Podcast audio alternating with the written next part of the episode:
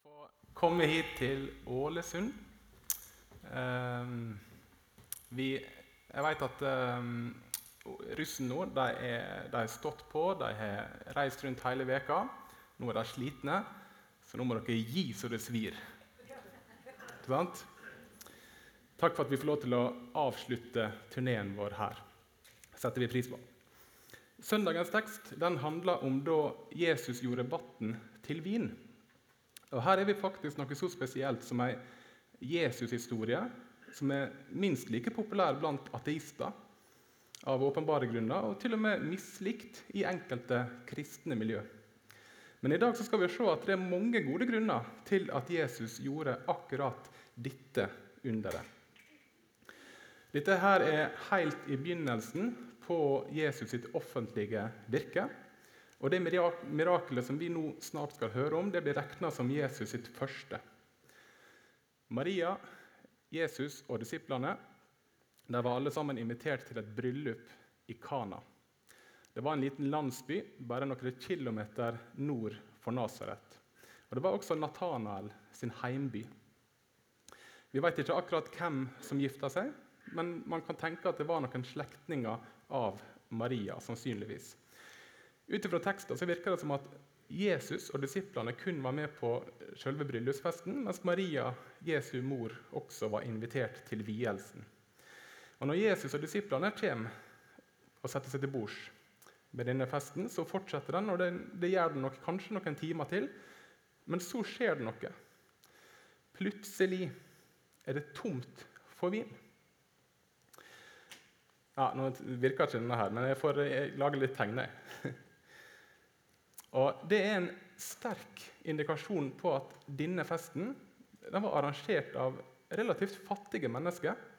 Det var brudgommens oppgave å stå for bevertninga i bryllupet. Og Han hadde nok skaffa så mye som han var i stand til, og håpte at det skulle være nok. Ja, ja. Tom for vin. Det kunne nå vært mye verre, tenker vi. Og gjorde det kunne det. Filistrene kunne jo kommet og plyndra hele området og brent ned hus og drept alle sammen. Det kan alltid bli verre. Jeg bor med en katastrofetenker, så dette der vet jeg. Men det her var faktisk ganske ille i seg sjøl. Og det er det vi kanskje ikke helt klarer å forestille oss. Et jødisk bryllup på denne tida er noe helt annet enn det vi er vant med i Norge i dag. Selve vigselen tok ikke så lang tid, men bryllupsfesten varte i rundt ei ukes tid. Og I tillegg så var det ikke bare nærmeste familie som deltok, men ofte så var det hele landsbyer som var invitert. Og folk kom og gikk. Så dette her er ikke bare en pinlig situasjon.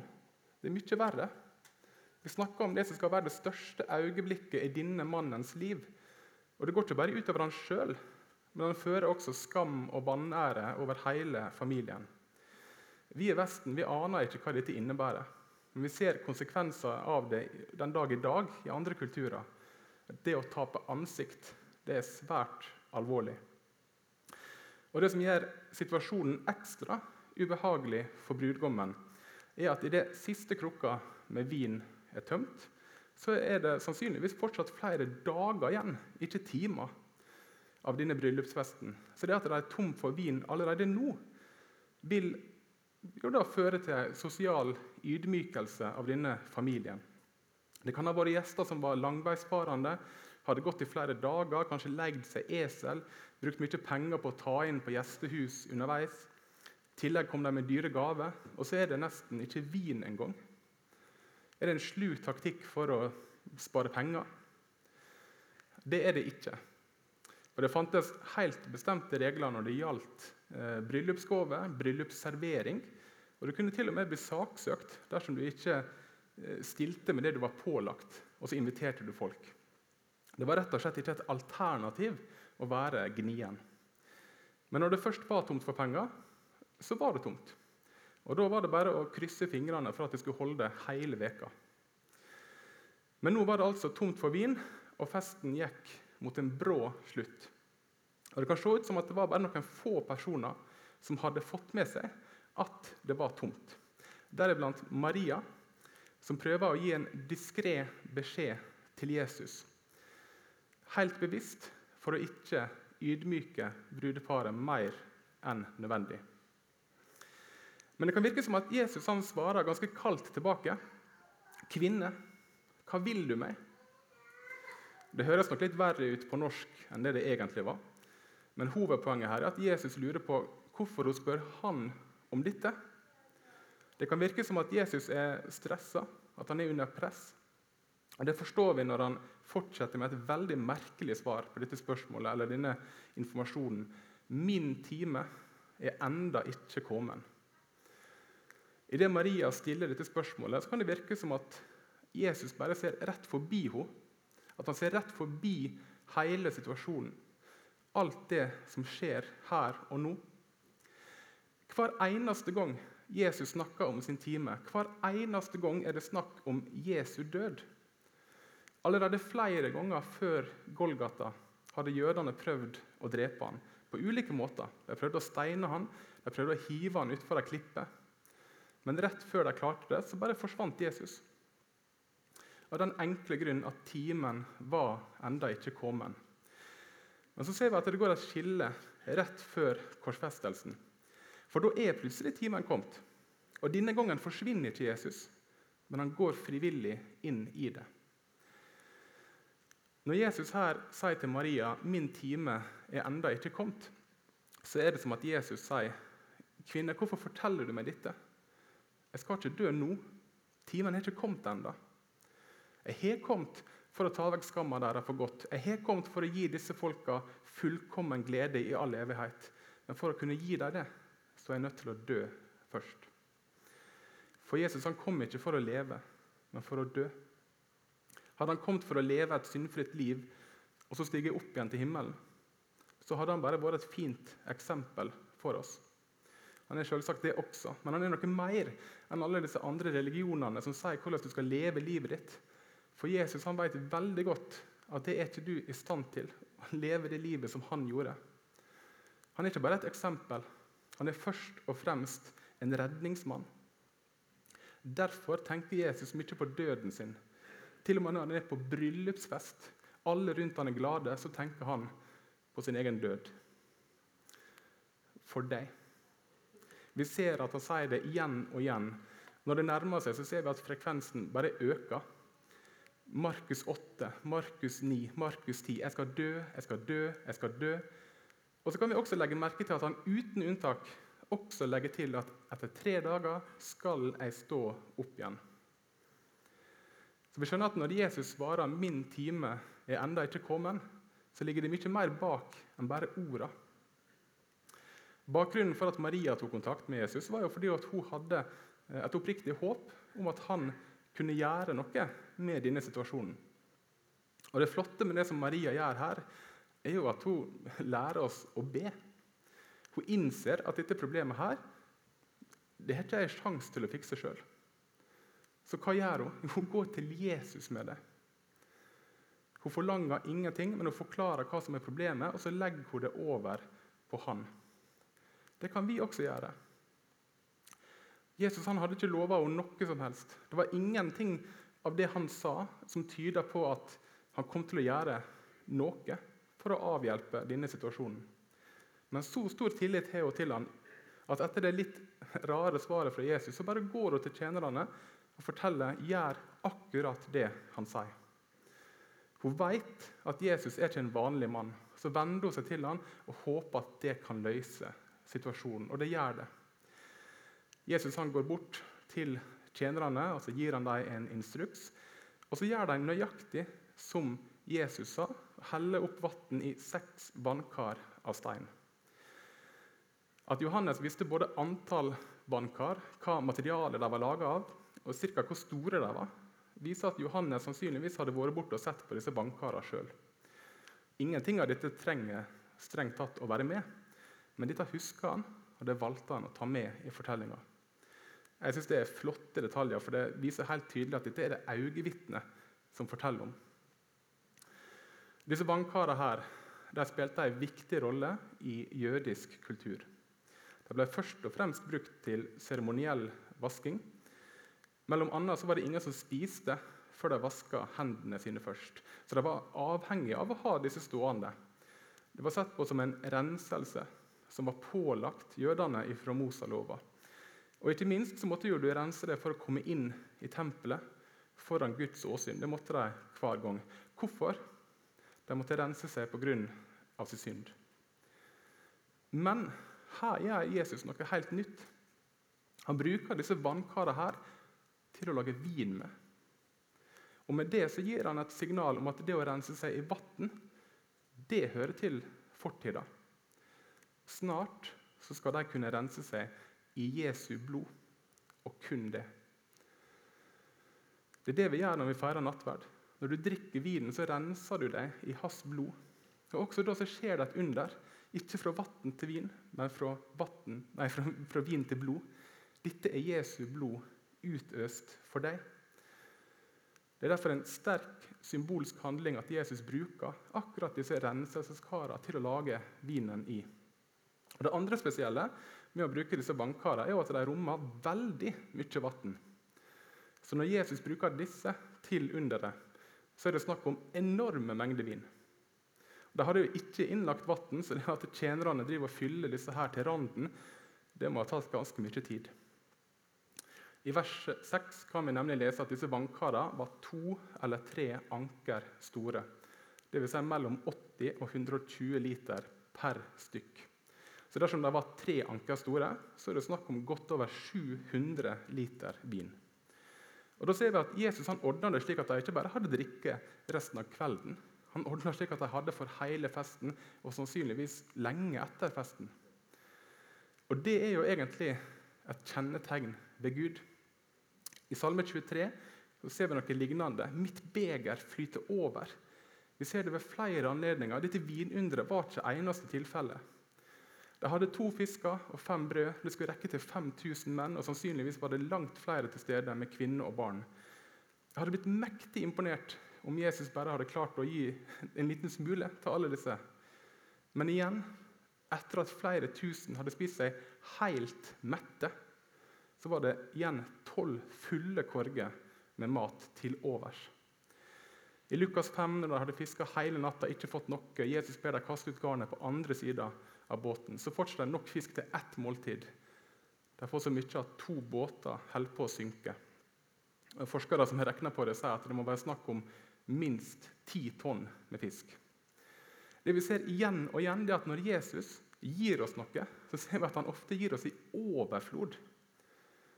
Kanskje er det også som tegn på det som ligger foran oss og venter i himmelen, der det aldri skal mangle noe. Når de så tar vannet og heller ned i glasset, så har underet skjedd. Vannet som de ausa opp, har nå blitt til vin. Dette tegnet som Jesus gjør her, det er jo helt tydelig guddommelig. Men legg merke til at han bruker helt vanlige mennesker til å utføre selve underet. For det vi ser i teksten er at Ikke under noe tidspunkt rørte Jesus ved verken vannkarer, vinen eller noe av det andre. Det var kun tjenerne som var borti det. På den måten var det helt tydelig at dette var ikke bare et trylletriks som han hadde ordna med på forhånd. Jesus kunne flytte vannet sjøl uten å le av en finger. Han har ikke trengt å flytte på det engang. Men han valgte å bruke mennesket. Det skal vi merke oss. Selv om absolutt alt som skjedde her, skjedde utelukkende pga. Jesus, så velger han likevel å la disse menneskene få ta del i underet. Ja, attpåtil tjenere lavest på rangstigen. De får være med. Og Når kjøkkenmesteren får smakt på den, så bryter han ut dere har spart den beste vinen til nå. Det var ikke bare at Jesus hadde lagd ekte vin av vannet. Han hadde gitt dem en kjempegod vin.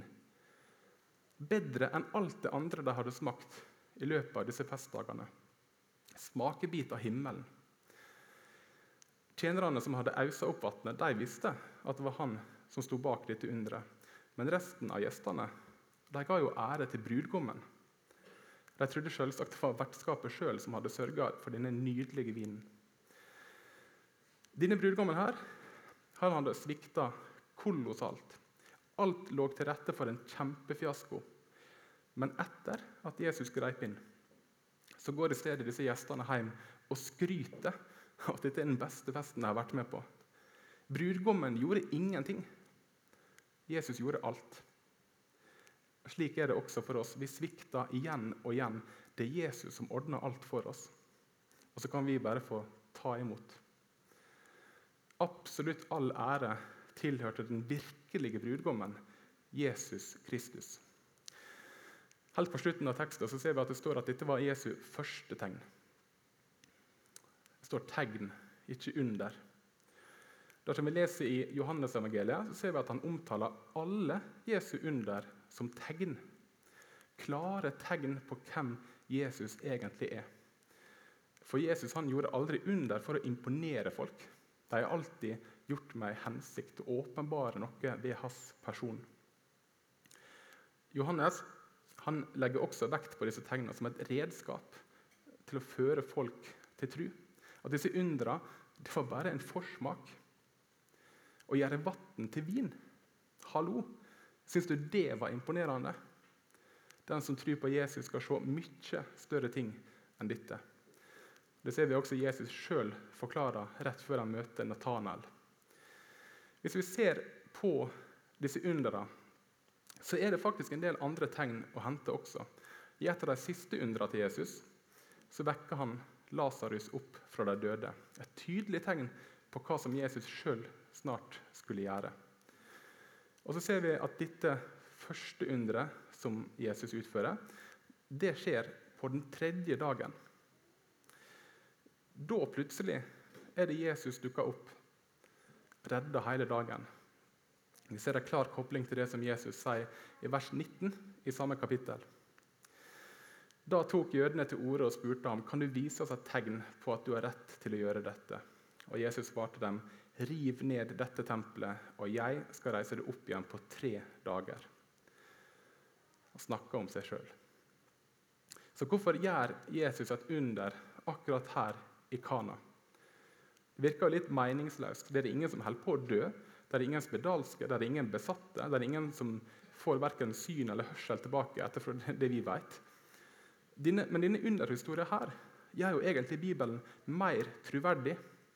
For hvem av disiplene ville egentlig latt Messias sitt første mirakel være å unngå en sosial knipe? Ingen av dem ville ha regissert noe slikt. Men Jesus han tenker mye lenger enn det vi gjør. Han hadde en plan med dette bryllupet hele tida. Som vi allerede har vært inne på, så var det brudgommens oppgave å skaffe vin. Og når denne mannen svikta, så kom Jesus og redda dagen fordi Jesus er den virkelige brudgommen. Jesus sitt første under skjer ikke i tempelet eller i synagoga eller når han taler til en stor folkemengde. Det første underet skjer i en privat heim under en bryllupsfest. Flere ganger så ser vi at han omtaler seg sjøl som brudgommen, vi, menigheten, som bruda, og at det er en bryllupsfest som venter oss. Johannes han fikk også høre om denne festen, og han fikk se inn i himmelen. Derfor er dette underet i Kana viktig. Jesus starta undergjerningene sine i en bryllupsfest, og det er også det han skal avslutte med. Vi leser videre at Gud vil lage i stand et stort festmåltid med vin for alle folk ifra alle verdenshjørner. Dette som blir beskrevet her, er også en bryllupsfest. For Gud ønsker ikke bare en vanlig Eh, en vanlig relasjon til deg. Han er ute etter den næreste, djupeste relasjonen som det er mulig å erfare for oss mennesker. Han elsker deg. Det er det han holder på med, det er det som er tegnet som det blir prata om. Alt peker fram mot den himmelske bryllupsfesten som Jesus lengter etter å få holde. Og Det fantastiske er at i det bryllupet er du invitert. Ikke som tjener, ikke som gjest, men som Jesu utvalgte brud. Takk, kjære Jesus, for at du lot blodet ditt renne for oss. Takk for at du hver dag gir oss nåde over nåde. Takk for at du bryr deg om oss på et personlig plan. Takk for at vi er invitert til den aller største festen, og at du elsker oss mer enn vi kan forstå.